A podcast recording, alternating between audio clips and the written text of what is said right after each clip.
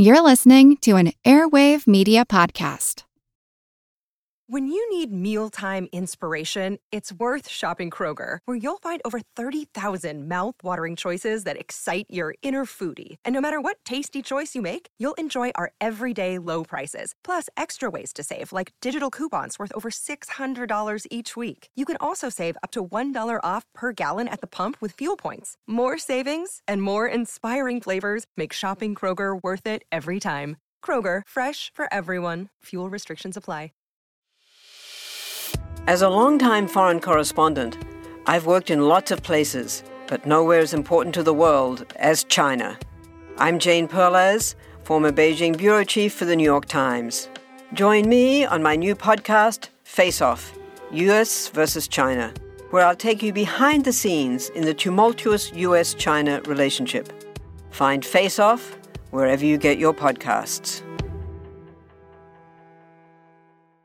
This is Kick Ass News. I'm Ben Mathis. Hey, folks, I have a couple of quick announcements as we kick off the new year here. I hope you'll help us fund our production costs for 2017 so I can keep providing you brand new podcasts twice a week. Show your support for the show by giving to our GoFundMe campaign at gofundme.com slash kickassnews or click on the donate button at kickassnews.com. Whatever you can give is always appreciated and will help us keep going over here in 2017. I also want to ask you to take a brief listener survey so we can better understand you, our audience, and find advertisers who are best matched to your interests. Just take five minutes to go to podsurvey.com slash kick and take the survey. And when you're done, be sure to register to win a $100 Amazon gift card. Again, that's podsurvey.com slash kick. Thanks for listening, and now enjoy the podcast. Hi, I'm Ben Mathis, and welcome to Kick Ass News. Well, folks, it's a sad week for clowns. Well, unless you're a clown named Donald Trump. But if you're not, you probably drew a little blue tear on your made up face when Ringling Brothers Barnum and Bailey Greatest Show on Earth yes, you're supposed to say the full name announced their intentions to pack up their tent and close for good after 146 years of entertaining the world. But it's been a rough year in general for clowns. Movies and television continue to demonize them as monsters, serial killers, and creepy pedophiles instead of joyful pranksters and merrymakers. And then there was the real life clown hysteria of last fall, when more than two dozen states reported incidents of clowns doing things like walking around a suburban neighborhood wielding a baseball bat or trying to lure little children into the woods. Most of those turned out to be hoaxes, but at least seven people in Alabama faced felony charges of making terrorist threats connected to, quote, clown related activity. But let's be honest, folks.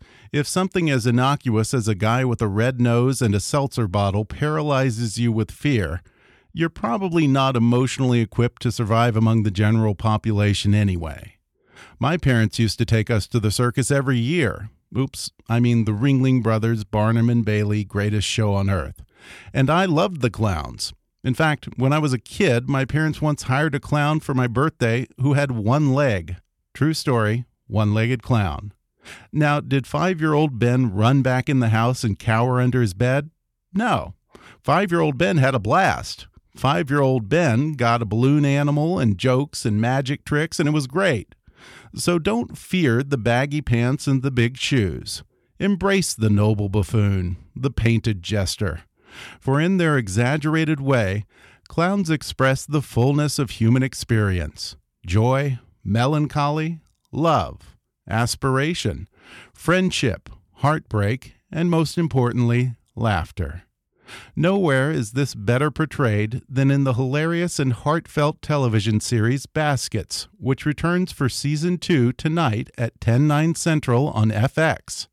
The comedy from co-creators Louis C.K., Zach Galifianakis, and Jonathan Krisel stars Galifianakis as Chip Baskets, a classically trained clown who gets thrown out of a prestigious Parisian clown school when he runs out of money and has to return home and take a gig as a rodeo clown in Bakersfield, California. The show co stars stand up comic Martha Kelly as a brilliantly deadpan insurance agent infatuated with Chip, and comedian Louie Anderson in a dress in his Emmy winning role as Chip's mom, Christine Baskets. Louie Anderson is a three time Emmy winning actor, a best selling author, and one of the country's most recognized and adored comedians, named by Comedy Central as one of the 100 greatest stand up comedians of all time. Since his 1984 television debut on The Tonight Show with Johnny Carson, he's appeared on Leno, Letterman, and on The Late Late Show with Craig Ferguson as well as comic relief and many Showtime and HBO comedy specials. He hosted the legendary game show Family Feud and earned his first two Emmys for his long running, beloved children's animated series, Life with Louie.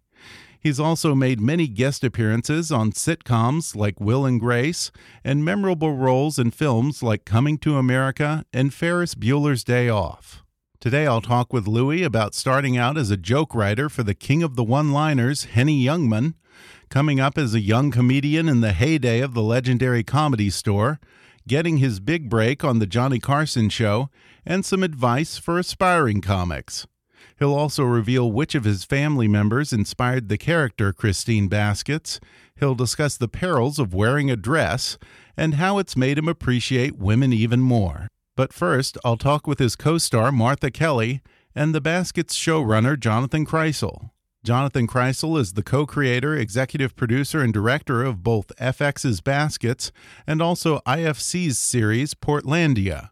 For his work on Portlandia, Krisel won a Writers Guild of America award, a Peabody Award, and nine Primetime Emmy nominations. He recently served as the executive producer of FXX's Man Seeking Woman, and he's also worked on the Adult Swim series Tim and Eric Awesome Show and Comedy Central's Kroll Show. Martha Kelly is an Austin based stand up comedian who's been featured on Late Night with Conan O'Brien, Comedy Central's Premium Blend, Last Comic Standing, and The Late Late Show with Craig Ferguson. She's had her own stand up comedy special on Comedy Central and appears this year on Comedy Central's The Meltdown with Jonah and Kumail and on the big screen in Spider Man Homecoming. She'll talk about her experience coming up in the Austin comedy scene, how she almost passed up the part of Martha on Baskets because she didn't have the acting experience, and how Zach Galifianakis and Jonathan Krisel changed her mind and Jonathan will discuss why oftentimes he prefers to work with non actors.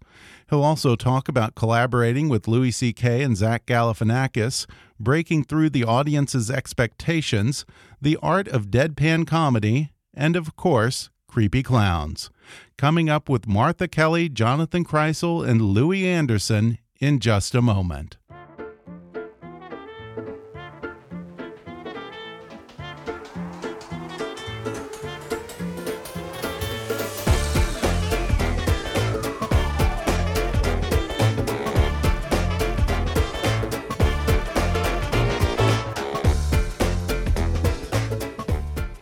Today I'm sitting down with Martha Kelly and Jonathan Krisel.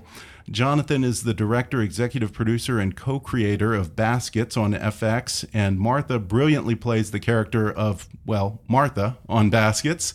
Um, guys, thanks for joining me. Thanks for having us. Yeah, thanks. Well, I am such a huge fan of Baskets. Uh, one of the things on the simplest level that I love about it is that it sort of restores the clown as something joyful and lovable instead of something sinister. Um, did the two of you grow up liking clowns when you were kids, or had pop culture already kind of ruined it for you? Well, I didn't even think about the pop culture thing as a kid, but I never really liked clowns. I did like uh, slapstick, though. Yeah. Um, there's just something about the face paint that made me scared of it with no connotation to it or any of that kind of stuff. Right, right. Or John Wayne Gacy.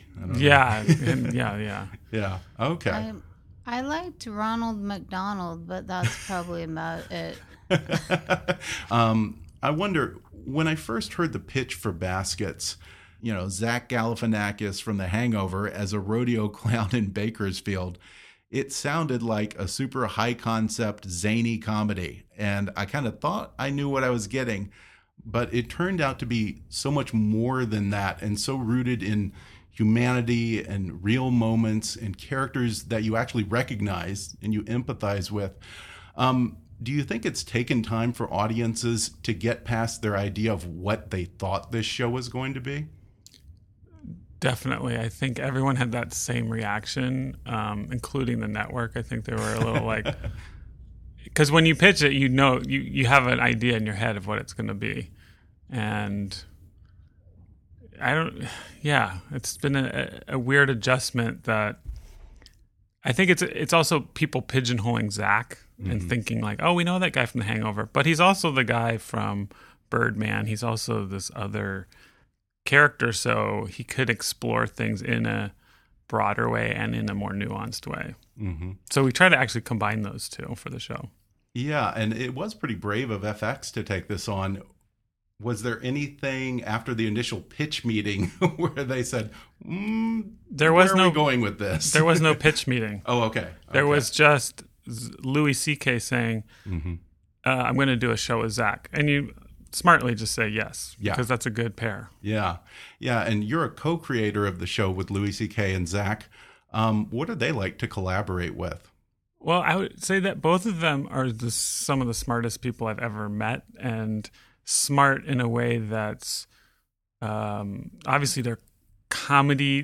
They know comedy, but they're they're smart people in a way that they have so much experience under their belt that they can we can jump to this version of the show. We were all on the same page very fast very like everybody's working quickly in, in an outside the box universe because they have so much so much experience doing so much outside the box weird stuff. Is it different than working on a show with say fred armisen and carrie brownstein in terms of the writing process? Yes it's different but i will say that zach you know comes up through the stand up Largo, Los mm-hmm. Angeles kind of scene, and Fred did as well. So there is a, a similarity. In, and it kind of came up in the 90s too, which I think influenced uh, in Carrie too, in music came up then. There's a there's a um, desire from that kind of 90s thing to do things that are really original and uncompromised mm-hmm. and maybe that idea has gone away a little bit so i think everyone I work with is like, yeah, we're going to do something to just try to create something new and different and not be scared of that. Yeah, and I, I, was interested to read that. I guess Martha, you said that you originally didn't want to do the show, and I guess Zach and maybe even Jonathan had to talk you into it. Um, was it just that you saw yourself more as a stand-up comic and not so much as an actor? Um, I definitely am not don't see myself as an actor, but I don't feel like they talked me into it. I think it was that I thought I might talk Jonathan out of it uh, when I met him, and then Zach was just always like, "Don't worry about it. It's just gonna be fun. There's no. It's not a big deal." It doesn't matter what happens. It's just all supposed to be fun. Don't worry about it. And um, because of Zach and Jonathan, it um um I felt like I could try at least try to do it. I still didn't I still really thought I might get fired and because I don't know what I'm doing, but um the, but they made it like fun and it, they made it worth the risk of possibly being um, humiliated by doing a terrible job this they made it seem like well at least i had fun doing it you know? Yeah. Yeah and i was originally i was going to ask is the character a stretch for you or is it pretty much how you are? And i guess that you've kind of now that i've met you you've kind of answered the question for me.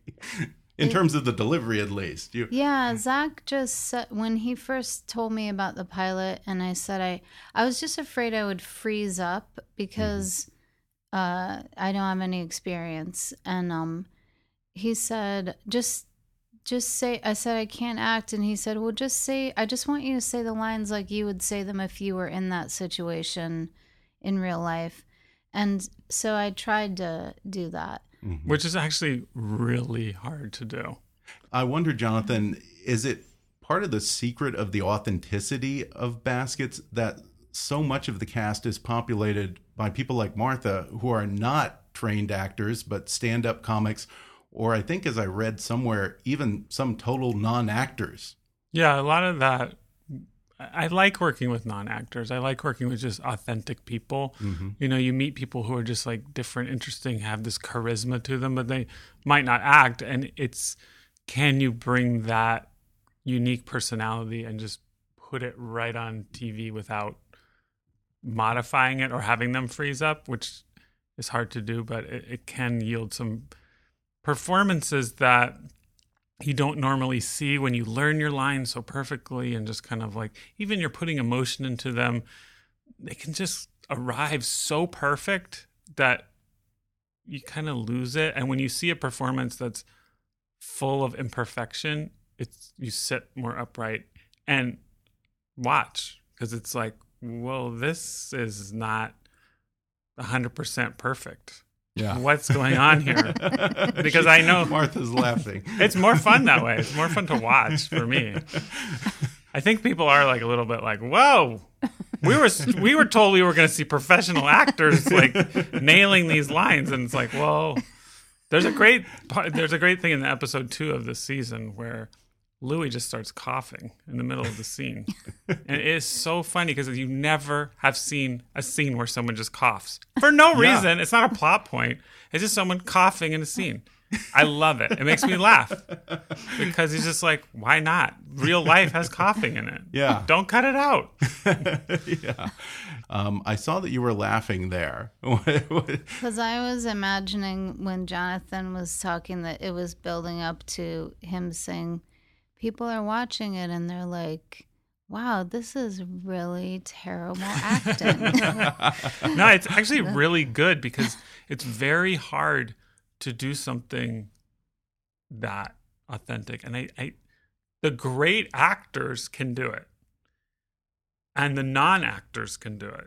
Mhm. But it's very hard in the middle to get to that point of that kind of raw real Yeah. performance. Yeah, and Martha, I almost feel like you sell yourself short when we talk about it because I'll be honest, I happen to think that you are probably one of the all-time masters of deadpan comedy. I agree. I would put her up alongside Jack Benny, Bill Murray, Steven Wright, even Peter Sellers when he wasn't doing Clouseau. Yeah, Bob Newhart. Yeah, Newhart. Yeah, all the greats. Um, And that's the, to me some of the funniest stuff. oh, yeah. And Martha is really a, a master of her comedic skills. It seems like, oh no, this is just Martha. She knows what she's Yeah. doing, and that's why it comes across so funny because the character is just kind of, you know, yeah. picking up chips. She's kind of working at her job, but she's delivering the most jokes of any character on the show. Yeah, yeah, and you know the thing that I love about it is I feel like in this day and age, there's so much pressure to pack everything with jokes, Yeah. and I love that you resist that. There are, I mean, hilarious moments where I spit out my drink. It's so funny, but you know, I, I think back to those days of like it happened one night. Or you know, like I was saying, uh, all of the Peter Sellers movies where he wasn't playing Clouseau, where there were these very real human moments that built up to the comedy, and I think that's incredibly refreshing about this show. Well, I will say, like for me, comedy, you know, like like a horror movie, if you're going to get that scare, you have to kind of Right? sneak it It's up. so- so it's so sometimes a joke, you got to sneak it up on people so that Yeah.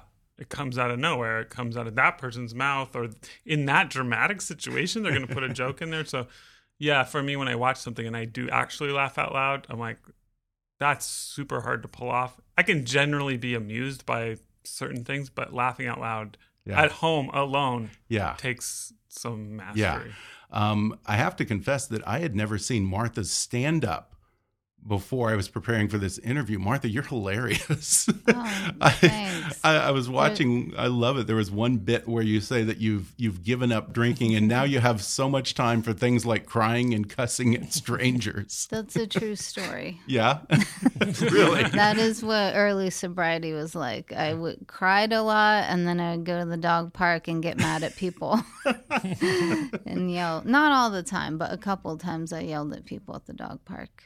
And if I have this right, you're originally from here in LA, but you came up in the Austin comedy scene. Why Austin? Do they have a pretty thriving comedy culture there? They do actually right now. I think it's like the best it's ever been. They've got really? so many really funny comics there.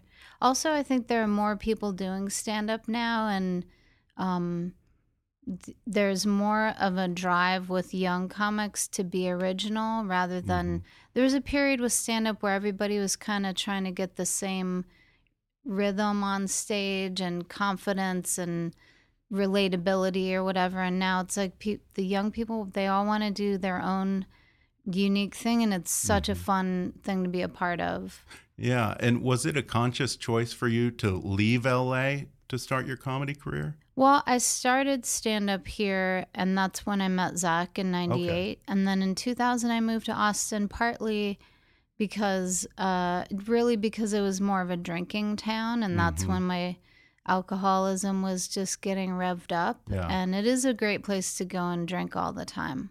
Yeah. As well as. Good to know. Good to know. so I've heard. Sixth yeah. Street and all that.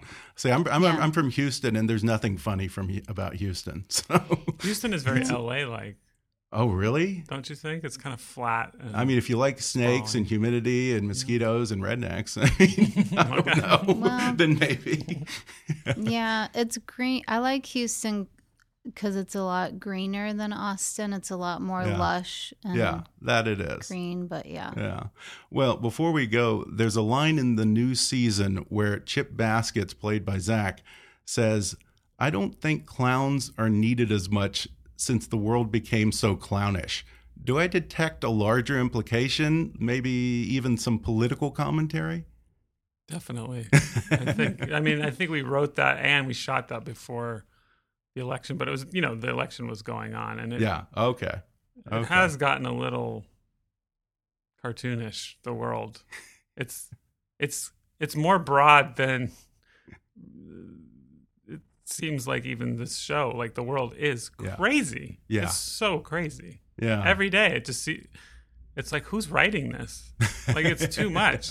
There's always a it's just the things that people are saying and doing are just like so outlandish. Yeah, every comedian now says, "How do I even make fun of this? It's already yeah. so funny." But think on the to put a positive spin on the terrible state of the world. What about back in the day when we were just coming out of the trees and being eaten alive by predators. like that was crazy too. Maybe yeah. the world's not getting worse. It's just crazy in a different way. We could be running away from dinosaurs. Everything's relative, I guess. Well, I just on, hope we don't all die. On that all. cheery note, Martha Kelly and Jonathan Krisel, thanks so much for sitting down with me.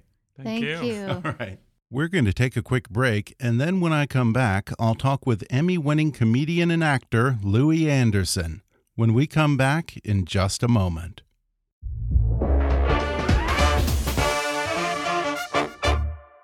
So it's a new year now, and there's no better time to launch an online business or expand your online presence for your existing business, and GoDaddy.com wants to help. GoDaddy's mission is to radically shift the global economy toward life fulfilling independent ventures, helping their customers kick ass by giving them the tools, insights, and the people to transform their ideas and personal initiatives into success. GoDaddy is the world's largest technology provider dedicated to small business and the largest domain registrar with over 62 million domain names under management and big savings over other registrars. Their award winning 24 7 support will help build your online business and give you everything you need to get up and running. Whether you have a new idea or an established business, the key to success online starts with a great domain name, and GoDaddy is trusted by 13 million customers. That's more than any other registrar. And right now, my listeners can get a special discount on a GoDaddy domain if you just use my offer code KICK30 at checkout to get 30% off new purchases. That's GoDaddy.com and offer code KICK30 for 30% off. You don't have to spend a fortune on a domain. Just go to GoDaddy.com and type in the offer code KICK30 at checkout for 30% off and launch your online business today. So I was just talking with my mom about how she used to make these huge meals for the whole family every night. But now that it's just her and dad, it's way too much food and hassle for just two people. But then she told me she's been trying Blue Apron. They send complete, easy to prepare meals with fresh ingredients perfectly proportioned out for the recipe and the number of people, so there's no waste. Moms are picky about food, they know what's good, and she says their meals taste great. And here's the kicker she swears they're so easy to make that even I can whip up a delicious home cooked meal. So I'm excited that I just placed my very first order with Blue Apron. It's going to arrive right on my doorstep. In fact, they delivered in 99% of the continental U.S. And let me tell you some of the meals that I ordered for January, and I can't wait to cook these seared pork chops with farro and cranberry chutney spaghetti squash and marinara with mushroom and garlic knots, spicy shrimp and Korean rice cakes with cabbage and furikake. I don't know what furikake is, but if it's from Blue Apron, I'm pretty sure it's going to be great. Their meals are fresh, delicious, and socially responsible. Their seafood is sustainably sourced. They use free range chickens and natural pork and regenerative farming practices for their produce, which makes you feel even better about using Blue Apron. So check out this week's menu and get your first three meals free with free shipping by going to blueapron.com slash kick. You'll love how good it feels and tastes to create incredible home-cooked meals with Blue Apron. So don't wait. That's blueapron.com slash kick. Blue Apron, a better way to cook. And now, back to the podcast. Today I'm talking with comedian, actor, and best selling author, and also three time Emmy winner, Louie Anderson. He just won that third Emmy last year for his role as the mother, Christine Baskets, on FX's Baskets. Uh, Louie, thanks so much for sitting down with me. You're welcome. I'm a little bit excited because I didn't know this before, but before this interview, I was reading up on your story. And am I right that you got discovered by Henny Youngman? Well, I mean, yes and no. I mean, yes and no. I guess you know he was at. I did a comedy contest, and he he said, you know, I was great, and then I wrote for him.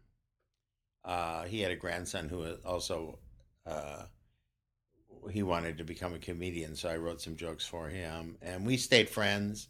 So yeah, in essence, you know, I would say Henny, Rodney, and Joan uh, Rivers and Johnny Carson. They were really the people who were, you know, Louie Anderson fans in the beginning. Yeah, yeah. Jimmie Walker.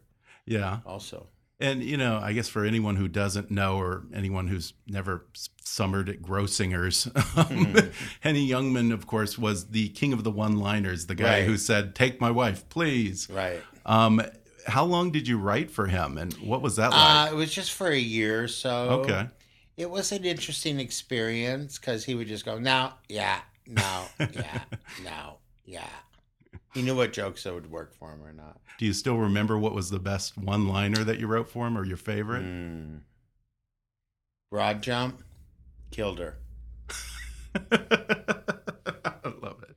Now, I'm assuming this was toward the end of his life, right? Or, yeah. Or, mm-hmm. Somewhere I once heard that Henny Youngman used to just show up at hotels and show up at wedding parties and offer for you know a couple hundred bucks to come in and entertain. Did, oh, did you ever he? hear that? Oh yeah, I could see Henny doing that. Yeah, yeah, yeah.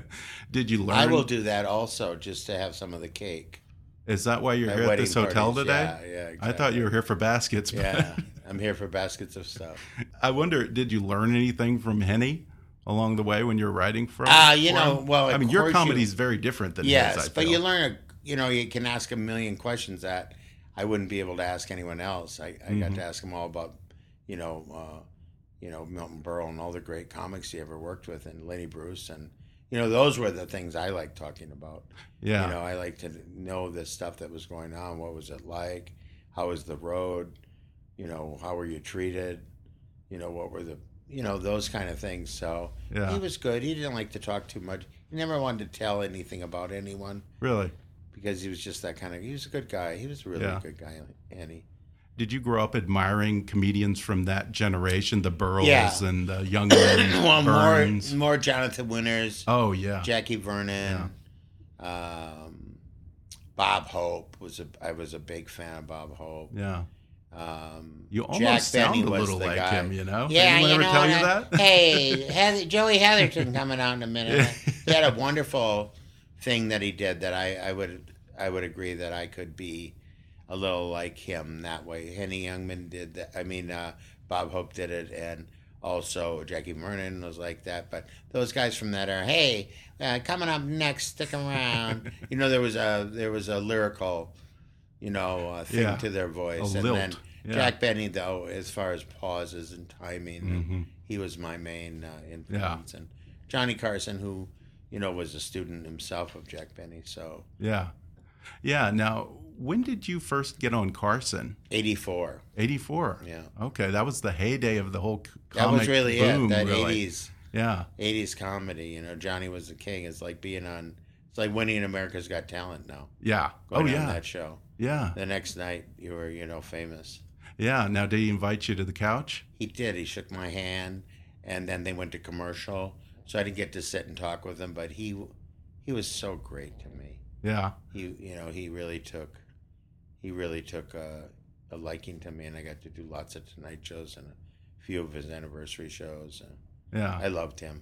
Yeah. Now, what what was he like? Because you know, people always say that Carson was very withdrawn, and you never really I got never- to know the guy. Well, But- I never. I mean, we weren't. You know, we didn't hang out together. Yeah. You know, you do the show. He's a professional, and then he'd be done with the show, and he would head out, and I would head out. So Yeah. you know, he had relationships with those some comics through all of his life. You know, David Letterman especially. Right. and uh, he called people and had a had a and he liked to play tennis. So he had a, you know, he was he was a creature of habit. Yeah. You know, he was the guy who gave so many comics a break. Yeah, and I, I feel that people are kind of hard on him because they, you know, now that the poor guy's dead, you know, everyone says, "Oh, he was so withdrawn. He didn't really like people." And I feel like, you know, if Well, I had that job, I wouldn't want to be socializing But who afterwards cares either. what those people think? yeah, really? exactly.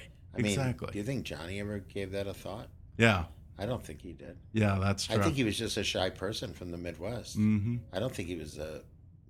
Which you you, could probably relate to, coming from Minnesota. Yeah, you know, I'm a big mouth, so I'm the guy. I'm not really a shy person. were were, but- have, were you always like that? I would, you know, I come from a loud family. Yeah. What You're you have in a loud kids? family or you're in a not a loud family, right? Yeah. Were you in a loud family, right? I was in a fairly quiet oh, family. Oh, were you? Well, my Were mom's kind of then? quiet. My dad's my dad is pretty loud. so are you more like your dad then? I don't know. I guess I'm a hybrid of them. Oh yeah. I mean, hopefully, I'm a hybrid of the best qualities and not the worst qualities. but never the case. I don't think you get to choose, try. do you? Nice try. yeah, yeah. Eleven kids. That Yeah. You you must have had to fight for attention in a family that big. You know, uh, it was a 20 year span, so it's kind of laid out into three different families the Uh-huh. older, the middle, and the younger kids. Yeah. Now, who are some of the comics that you came up with when you were first starting out? Uh, well, all the guys in the 80s. Mm-hmm. You know, Richard Pryor was, Wow. you know, he, he was in the, he, he was at the, you know, pinnacle of his career when I got out there. And Howie and Robin and, you know, Sam Kinison and Dice and Jim Carrey and, um, you know, all, I, I mean, I, you know, Roseanne and, I mean, they're all these guys, all these people Wow. were tremendous, tremendous comics, and you know we were all friends. It's a small Yeah. club, Yeah. What? Yeah. What? What was the comedy store? comedy Is that where store. I was a comedy store guy Yeah. more than an improv guy. Yeah. Yeah. Who was the one that would just blow them out of the water when they Me. came in? Aside me? from yourself. Oh, besides me, uh, you know, I think it was just like it was like one explosion after another. A lot of Yeah. nights, Eddie and Robin and Sam and me and Howie. I mean, we crushed that room. That's Yeah. a crushable room. Yeah. The Dangerfield original room. too. Rodney hardly ever came in. He was working. He was a big star. Yeah. He'd stop by occasionally, but Rodney, he was our last iconic character comic ever. Yeah. He was the biggest star. He was, he was, uh, he was making big money a long time. Yeah. That's how you know somebody's. You know what I mean? Yeah. He was packing places. Oh yeah, yeah. I think I I was actually toward the end. I think I saw him actually at the comedy store. Oh, did and he could still kill. He would just He show would up. just and- crush it. Yeah. Hey, you know what I mean? Uh, well, how you doing, kid? Uh, yeah. um, I want to talk about baskets. Obviously, I'm a big fan of it. And you know, while we were, I was thinking of this while we were talking about your family. I loved a book that you wrote a few years ago called "Dear Dad: Letters from an Adult Child," in which you talk about your father's drinking and how later on, only then did you realize that the poor guy had been through all of this horrible crap in his life. Yeah. And I get a very similar feeling when I watch baskets because at the beginning of the season, you kind of start off thinking that half of these characters are total jerks. Mm. And then slowly, you know, they start to reveal themselves and they're just people with disappointments and aspirations and hurt feelings sometimes. that's really astute of you. I mean, you know, I don't know that people are always able to articulate that, but you're exactly right. what you wrote about in the book with your father and realizing that is that something that you draw on or that you kind of relate to with I your character on I mean, the show? the writers are so good for one thing, and I'm working with such great people, Jonathan Krisel, Krisel, who's the director. Yeah. But I think what I'm drawing on is the humanity of the character. You know, hmm I try to find the humanity in that character. I try to find the pathos in that character. I find I try to find the humor in that character. hmm I try to bring that character to a place where that character can really can really twirl and uh, and reach for the reach for the top, you know. Yeah. And I, and I think that you're right about those characters because they are, and that's why they resonate so much because you Yeah. have you have uh, three really complex characters in Martha and Zach and myself. You have three people who've had real lives, who are not the, you know, run of the mill characters in comics out there. Yeah. We're all people who are fairly serious people. We're all people who think a lot, and we're all people who have, you know, a lot of charitable stuff behind us. And, you know, not that we want to talk about that, but I'm just saying we really do care about causes. We care about the good things. You know, we're all aware of how fortunate, how, uh, and we're all humbled by the fact that, that we've had this great success. And, that these are complex characters that are trying to work things out. And that the reason that people seem to be relating to it is because the world is sad a lot of times right now. And hmm so they're trying to you know they're trying to work this sadness out. And i think that's what re- people relate to in the characters so that was Yeah. smart that you picked that up Um, you say that you modeled the character of Christine Baskets on your own mom. What did you borrow from her? all the nuances all the Mhm. looks the purse of the lips Yeah. You know what I mean? Yeah. That one particular thing Christine does, disapproving looks, Uh huh. uh, and the complex uh, nuances of her always looking like she's somewhere trying to fix the situation, trying to, Yeah. you know, look back or look forward or, or look at the present. And so I think I try to bring it, like I go, I think I go back to, I think I'm trying desperately to find Christine's main humanity uh, and also her complexity, Mhm. you know, who she is, you know, um, her disappointments, her accomplishments. But I mean, I mean, mostly I think that I'm just trying to address the love Yeah. that Christine has Yeah. for her children and really for everybody. You know, Christine really does care about everybody. Yeah, and that, that's one of the things when Excuse when me. the show started, I initially I kind of thought, wow, she's kind of a pain in the ass. Mhm. she's she's not that nice of a person. But then as I was just talking with Jonathan, we were talking about this how there's so much more to the character than you realize at first, which I think really draws people into this show. Hmm. Yeah. I mean, you know, I, I Or not. constantly. no, no. I was just, you know, I happened to just watch like four episodes. I was somewhere and the TV was on. It was on Yeah. FX, Uh huh. and baskets started coming on, Mm-hmm. and I started watching.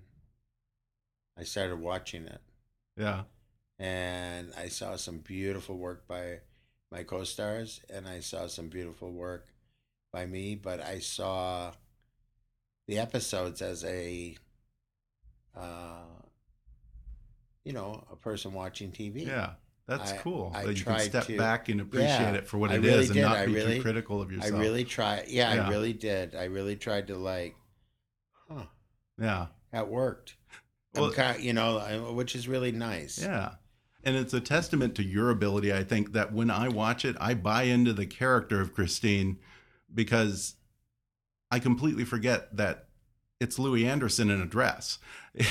That's my number one goal is that you that I disappear in the part. And you you you completely do. I Yeah. you really do. And is it a little like walking a razor's edge to play this character of Christine Baskets without coming off as some kind of a stunt like Milton Berle or Yeah. you know Tyler Perry Yeah. doing drag? very difficult.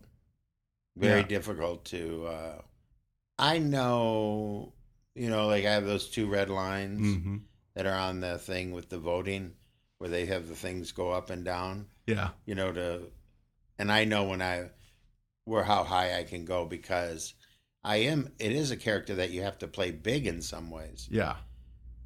but i have to keep bringing it down and play it small Yeah. because sometimes a small look or a thought or a glance or a, you know I'm, mm, you know what i mean little Yeah. Little things like that can mean so Yeah. much Yeah. when it comes to christine Yeah. And what I try to do is be fully engaged with. Were you there for the panel? No, I No. wasn't really. So there was a scene they showed. And so in that scene, I am looking through photos Mhm. of the family. And I'm really doing it. I'm not, I mean, the scene. Oh, I saw I, have, episode. Mm-hmm. I have the dialog but I'm making that up as I go along. yeah. I know what I need Yeah. to hit on. Yeah. but the main thing on that thing is to show her me as a little girl, Yeah. you know. Yeah. And then I uh, I just watched that character and I said, well, I did a really good job there because I never looked up very much, really. hmm I st- I stayed at my task, Yeah. you know. Uh, and I wonder, you mentioned that Jonathan Winters was an inspiration of yours. Do you draw on uh, a little bit of Maude Frickert there, maybe? I think what I do with Jonathan in that, I mean, you know, when I mean, is more of the is more when I'm in my stand up. hmm The characters, the you know, that's type of stuff. Yeah. you know, more than that. But I think where I, the person I keep in mind always with my Christine character is my mom. Yeah. And when I get out of that comfort, I know I'm in the wrong character. Yeah. Now, in the second season, your character is actually starting to address her health issues and uh, work on exercise and dieting. Is that maybe something that you relate to a little bit more? And maybe you're drawing on Yes, personal experiences? Because I know you've struggled with that. Yeah. And I think you were on a sprout diet for a I while. was, Is that right? Then the sprouts didn't sprout one day, and I just said, "Good." yeah. I had some fries then. Um, I, it is true. I was able to pull on that, and am really concerned with my health, and um, so it was kind of like I had real feelings and real things about that, Mhm. and uh, you're going to see a lot of pretty emotional things from Christine this year, hmm and lots of thoughtful things, but lots of funny things too. now, what's the worst part of dressing up like a woman? uh, you got to watch how you sit. Yeah. Yeah. Oh yeah, you- got to yeah, keep you your legs, together. open. And, okay. I mean, you really do. You have to watch how you sit. You Yeah. know? And also, you know, That would uh, kind of ruin the character. you know, women. Yeah, we kind of kill it for everyone. what? Um, I think the big thing is, is you have to remember, you know, like women go through a thing to get ready to look good, hmm And so you have to make sure you don't mess that up. Yeah. Guys just have to smell their shirt Yeah. to see if it's okay to put on, you know? well, before we go, I just want to run a theory I have by you, I'd and I, this is this is something I run by every comedian that I have on the show. Somewhere along the way, I developed this idea that every person, not comedians, but every person should have to do a five minute open mic set. I In my it. mind, I think it would be great to open your mind, make you more humble, Yeah. see what you're good at, build your confidence, all Ooh, that. Now, that. every comedian has shot that down and shit Yeah. all over this idea of mine. What do you think? Well, I mean, your purpose isn't to find more comedians, Yeah. is it? No, No. no, It's So they must. I think it would be therapeutic. Everyone else says I'm insane. good. No, I think it'd be really good for people. hmm It's like people should spend a year out of this country too to see how lucky Right. they have it here. hmm You know, when you travel, you go, "Oh my God, America is so Yeah. much, so much. We have so much to be thankful for." Yeah. But yes, I agree with you. I always tell people, "What do you got to lose? Try and stand up. Yeah. You can't die from it." I said, "Give it a try." Well, I you like go. your theory, Okay, good. and I think it should be a part of it. You know, Everyone else I acted like I was going to be emotionally damaged by it. Is, did you do it? I haven't yet. You should go do it. Because all the comedians keep the telling me not to. The David lighthouse is right here. Gilbert. yeah. Well, those guys are scaredy cats. oh, okay. Okay. I'm Any, brave. Any advice for me? Well, just write down stuff they know about your family. It sounds like you have an interesting family, Okay. and you lived in a hotel for how long? Probably about five years. Five years. Don't you think there's a tremendous amount of stuff there? Uh, yeah. You know, when you live in a hotel five years, yeah. You learn how to make a hell of a bed. Yeah. It's like Fawlty Towers or Yeah. something. You should right. you should definitely try it. I I, will do expect by next year you try it. I, I, I will, and I'll You report promise? back. I appreciate that. All right. Absolutely. I appreciate the, the Sunday night sign up at the comedy store. Well, Tell Louie Anderson, yeah, I will. I will do that. I will right. drop your name. I'm such a big fan of Thank both you. your stand up, your books, your writing, and Baskets, of course. Congratulations on the you. Emmy for Baskets. Thank and you. I wish you the best with everything. Thank you so much. Thanks again to Louie Anderson, Martha Kelly, and Jonathan Krisel for coming on the podcast. Season 2 of Baskets premieres tonight, Thursday, January 19th at 10, 9 Central on FX Network. For more information, visit fxnetworks.com. And if you want to see Louie Anderson perform live, he appears this Friday at the Lafayette Theater in Lafayette, Indiana, and at the Belterra Casino Resort in Florence, Indiana on Saturday. And next weekend, he'll be doing shows in Bloomington, Illinois, Newark, Ohio, and Chicago. I'll post a link to all of his upcoming dates in the show notes and at kickassnews.com. Follow Louie Anderson on Twitter at, at Louie Anderson. That's L O U I E. Or at louieanderson.com. You can follow Martha Kelly on Twitter at, at MarthaKelly3 or at marthakelly.net. And Jonathan Krisel isn't on Twitter, but his other show, Portlandia, just kicked off their seventh season, and you can watch it on Thursdays at 10, 9 Central on IFC. Don't forget to take our listener survey so we can keep the show free and find advertisers who are best matched to you, our listeners. Just take five minutes to go to podsurvey.com slash kick and take the survey. And when you're done, be sure to register for that $100 Amazon gift card giveaway. Be sure to subscribe to Kickass News on iTunes and leave us a review while you're there. You can like Kickass News on Facebook or follow us on Twitter at, at KAPolitics. And please be sure to recommend Kickass News to your friends on your social media. And if you really want to help out, then donate to our GoFundMe campaign at gofundme.com slash kickassnews or click on the donate button at kickassnews.com. As always, I welcome your comments, questions, and suggestions at comments at kickassnews.com. For now, though, I'm Ben Mathis, and thanks for listening to Kickass News.